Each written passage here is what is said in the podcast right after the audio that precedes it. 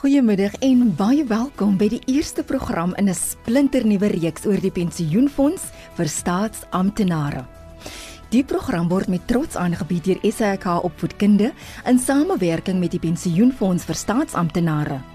SAK Opvoedkunde verryk denke, verryk lewens.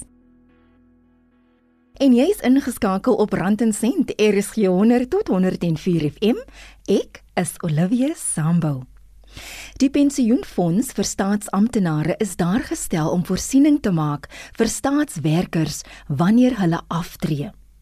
Omilia Hartzenberg is 'n kliëntedienskonsultant by die pensioenfonds vir staatsamptenare in die Wes-Kaap. Hier verduidelik sy wat die fonds behels. Wel, dit is 'n uh, vaste voordele fonds en vorm 'n deel uit van staatwerkers se aanstellings. So as jy by government begin werk en deel van jou aanstelling sê jy moet by die pensioenfonds aansluit, dan moet jy by die pensioenfonds aansluit. So ons is 'n vasgestelde voordele fonds. Dit beteken dat ons voordele gewaarborg is deur die reëls van die fonds. En kan ek byvoeg, die Government Employees Pension Fonds is die grootste fonds in Afrika. Ons is die sesde grootste fonds in die wêreld. So dis nie sommer 'n hierdie jy fonds nie. Dis een van die eerste voorstanders in die um, pensioenfonds industrie. Hoe lank bestaan dit en hoekom was dit nodig vir die fonds om te ontstaan? Die Government Employees Pension Fonds was gestig 1 Mei 1996. Ons klink na 'n nuwe fonds as jy dink 1996. Maar voor 1996 het alle provinsies hulle eie fondse gehad. Byvoorbeeld soos die Bophuthatswana Fonds, Transkei, Ciskei en en en. So wat gebeur het 1 Mei 96? Al hierdie fondse het saamgesmelt en dit is hoe die GEPF toe gevorm was. Wat baie baie interessant is en en ek probeer nog steeds my kop om dit kry dis na 10 jaar hoor.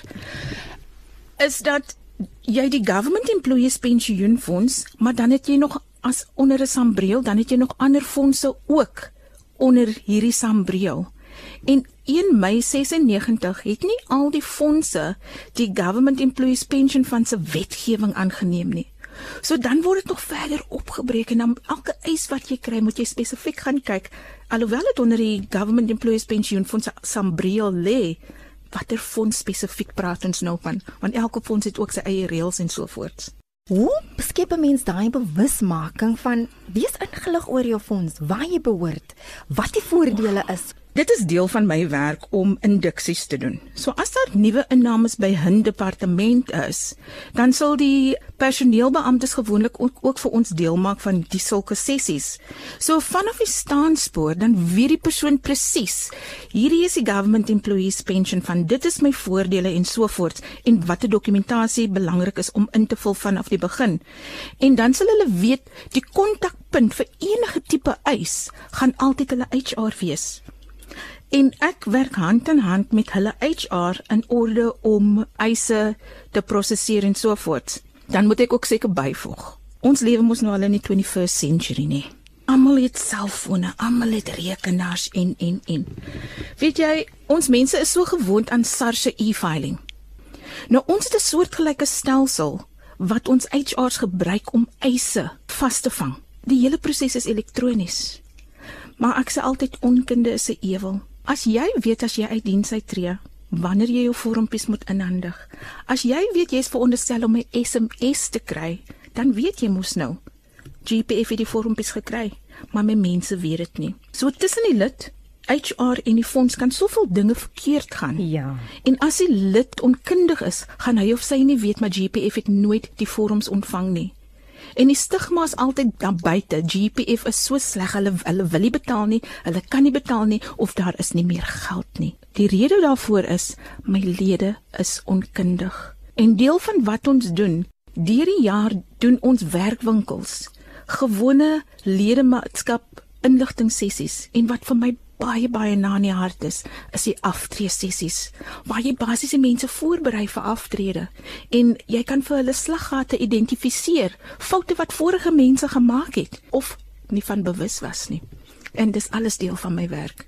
Hoewel die fonds sover moontlik probeer om die inligting aan lede beskikbaar te stel, het lede ook 'n verantwoordelikheid om op hoogte te bly van die nuutste verwikkelinge ten opsigte van die fonds. GPF stuur um, elke kwartaal 'n nuusbrief uit aan al die lede. As ek met lede praat, hulle sal sommer sonder om te blik of te bloos, gaan hulle vir my sê, "Ou Media, weet jy wat? Ek maak nie eers die koevert oop nie. Ek gooi dit direk in die asblik." So dis vir my kommerwekkend. Die mense wil nie lees nie. Ons het 'n webtuiste met al die inligting, maar weer eens, in hulle etenstyd gaan hulle liewer 'n movie kyk as wat hulle gaan oplees op die GPF. Wat ons doen? Een keer 'n jaar het ons 'n groot roadshow. Hierdie jaar het ons dit twee keer gehad. En dit is dan Saterdag om seker te maak om soveel as moontlik mense, dit is nou lede van die fonds as ook begunstigdes nader te trek en vir hulle die inligting te gee. Ons het die gewone inligting sessies, aftree sessies. So ons probeer reg van ons kant af en die nuutste. Ek het gesê ons is in die 21st century nee. Almal het selfone. As ons jou selfoon het, as ons jou e-posadres het, kan ons onmiddellik vir jou 'n e-pos of 'n SMS stuur. Ek gaan nou sommer sê as daar iets is wat brand. Dit moet altyd roemes wat die rond te doen. So onmiddellik kan ons 'n pressrelease uitstuur. Maar weet jy dis so hartseer. Van die 1.2 miljoen aktiewe lede wat ons het, het ons 'n baie klein persentasie volle inligting ten opsigte van kontakbesonderhede waarby ons die inligting kan deurgee. Ons probeer regtig van ons kant af met tegnologie, persoon tot persoon, one-on-one -on -one consultations, ons probeer regtig. En dan wat vir ons die belangrikste is, is om altyd om ons personeelbeamptes wat die tussenganger tussen die lid en die fonds is, om altyd vir hulle op hoogte te hou van alles wat verander ten opsigte van die JEP law. Meer as 'n miljoen staatswerkers is aktiewe lede van die pensioenfonds vir staatswerkers. Dit beteken dat dit is bydraende lede. Dit beteken ook dat hulle werksaam is by 'n staatsdepartement en elke maand 'n bydrae doen. Dan aan die ander kant kry hy ons ehm um, pensionaarsse. Hulle kry natuurlik elke maand 'n pensioen, 'n maandelikse pensioen van ons af. En hulle maak basies uit plus minus 500 000 pensionaarsse. So om deel te wees van die fonds, nommer 1, jy moet vir die regering werk om 'n aktiewe lid te wees en as jy aftree met meer as 10 jaar diens, raak jy 'n pensionaris. Hoe weet 'n lid dat sy geld veilig is? As jy verstaan hoe die fonds werk, nê, nee, dat dit basies uit drie partye uit bestaan. Die GEPF, Government Employees Pension Fund, dit is waar die reëls van die fonds gehuisves word. Dit is waar die raad van trustees ook is. En dit is hulle werk om basies seker te maak dat die regte beleggings gedoen word in orde vir die lede om altyd hulle volle voordele te kry. En dis een van die redes hoekom ons altyd terugval op die JEP law wat sê die GBF is 'n defined benefit fund wat beteken ons voordele is vasgevang in die reëls van die fonds en dit beskerm ons. Wie dra die risiko? Ek as 'n lid dra nie die risiko nie. Die werkgewer doen. So dit moet jou al reeds gemoedsrus gee Indien daar 'n insinking in die markte is, jy as 'n lid gaan nie geaffekteer word nie want die reëls van die fonds laat dit nie toe nie. Dan kry jy die Public Investment Corporation. Dit is die maatskappy wat die Raad van Trustees basies aangedui het om die beleggings namens die fonds te doen.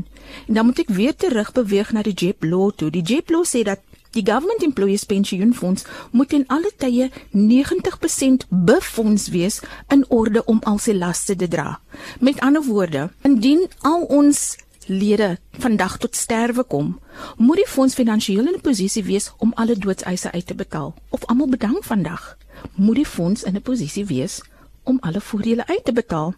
Hierdie fonds is heidaglik 108% befonds bo en behalwe wat die reëls voorskryf. So iemand doen iets reg. Finansieel is die fonds baie baie sterk as gevolg van die beleggings in lyn met die raad van trustees se JEPLO.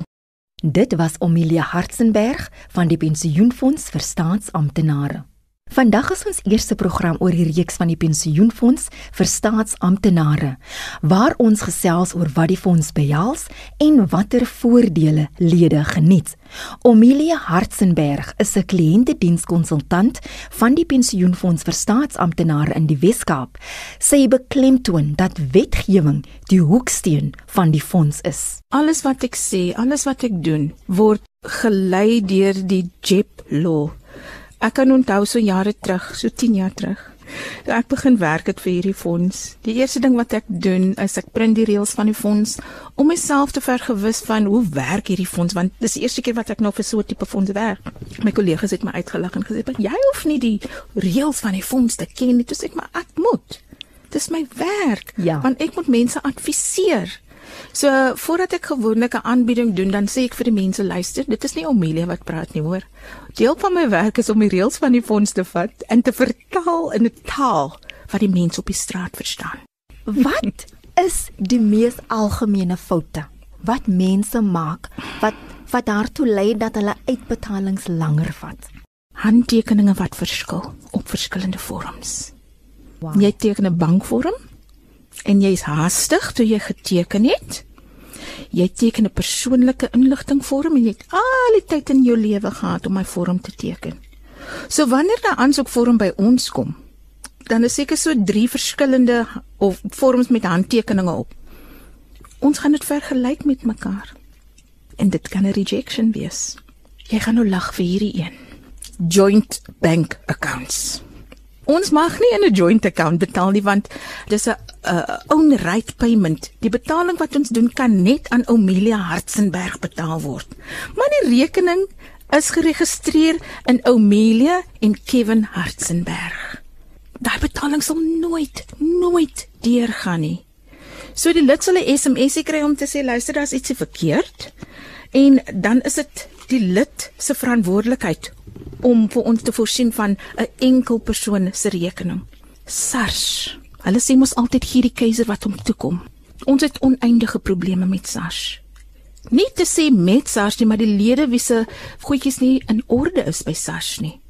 Daar's miskien opgawes uitstaande of so voorts of jy sal dit nooit wil glo nie, ID nommers is nog pre 1994, nog met die ander syfertjies aan die einde dis 'n rejection. Ons kan nie uitbetaal nie. En dit is alles goed wat buite ons beheer is. So as 'n mens die foute of die normale foute kan uitwys, dan sal ek altyd vir my HR sê luister vir elke eis wat jy gaan doen, nê? Nee? Byvoorbeeld vir die handtekeninge. Sit sommer hierdie affidavit by dat die persoon 5 keer teken. So dan verhoed ons dat 'n eis sommer vir 'n handtekening teruggegooi kan word. Of byvoorbeeld 'n bankvorm is voltooi. Ek sal dan vir my HR sê vir elke bankvorm wat jy vir my instuur na GPF toe, sit vir my 'n bankstaat by. Want almal skryf mos nie mooi nie. 'n 4 kan soos 'n 6 lyk en 'n 6 kan soos 'n 4 lyk. Ja. Maar as daar 'n bankstaat is en ons kan dit gaan verifieer, dan is dit nie 'n fout of 'n error nie. So ons probeer reg van ons kant af voor. Maar die algemeenste fout is daai handtekeninge. As deel van die verifiseringsproses word die pensioenfonds ook deur ander staatsdepartemente gesteun. Sodra eis ingehandig word, is ons gekoppel aan Home Affairs, Department of Home Affairs. So as 'n naam verkeerd gespel is of jy's nog op jou nooiens van of jou status is verkeerd, dan kan ons dit onmiddellik optel en dit waarsku die HR terwyl hulle nog besig is om die eis soort van op die stelsel te capture dit is ook al klaar alreeds 'n pluspunt. Ons het dan ook 'n ander fantastiese stelsel wat help as die bankbesonderhede gecapture word. Wat wil ons al kan sê maar hierdie rekeningnommer bestaan nie of dit behoort nie aan Omelia nie. Watter vorms is nodig en hoe werk die proses wanneer jy aansoek doen?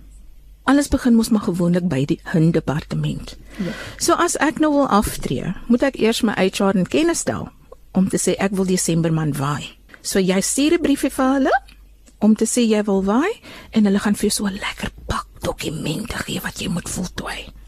Die belangrikste dokument gaan natuurlik wees jou Z894. Dit is jou bankvorm. Dit moet gedeeltelik deur die bank voltooi word en handtekening en duimafdruk is 'n moet. As jy meer as 10 jaar diens het, dan gaan jy vir ons 'n uh, spouses choice form voltooi.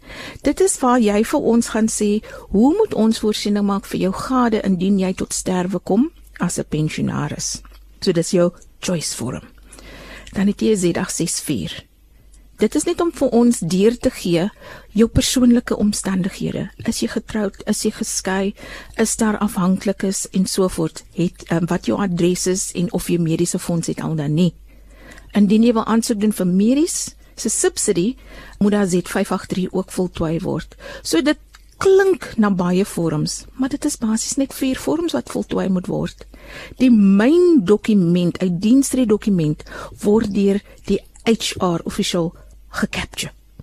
En dit is waar die elektroniese stelsel inkom wat soortgelyk is aan e-filing, maar ons noem dit net PCM, Pension Case Management. So alles gebeur elektronies.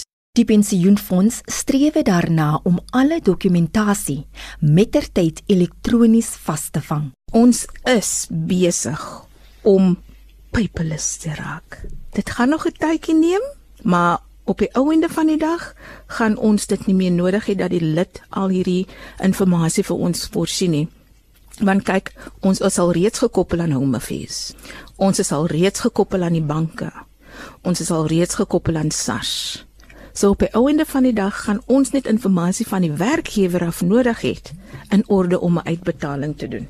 Hoewel lede die fonds kan kontak nadat hulle dokumentasie ingedien is, hou die fonds ook hulle lede op hoogte tydens die proses.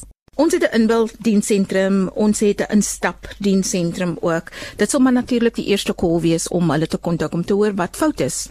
Maar omdat ek hierdie stelsel ken, hierdie PCM stelsel. Indien daar iets verkeerd is, sal die lid in kennis gestel word. Sê byvoorbeeld die handtekeninge verskil. En ons het elektronies daai dokumente teruggegooi na die domein van die departement.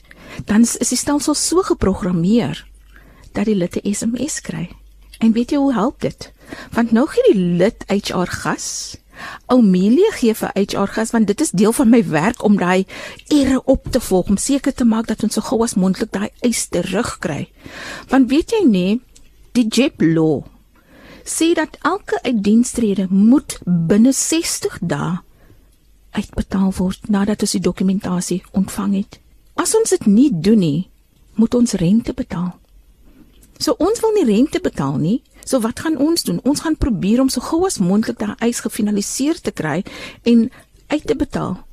Maar as daar eise is waar daar foute op is, kan ons nie betaal nie. Maar dit help dat die lid ook weet dat die dokumente terugverwys is na die departement en hulle moet iets regstel alvorens hulle dit weer aan ons kan gee om die proses weer van voor af te begin.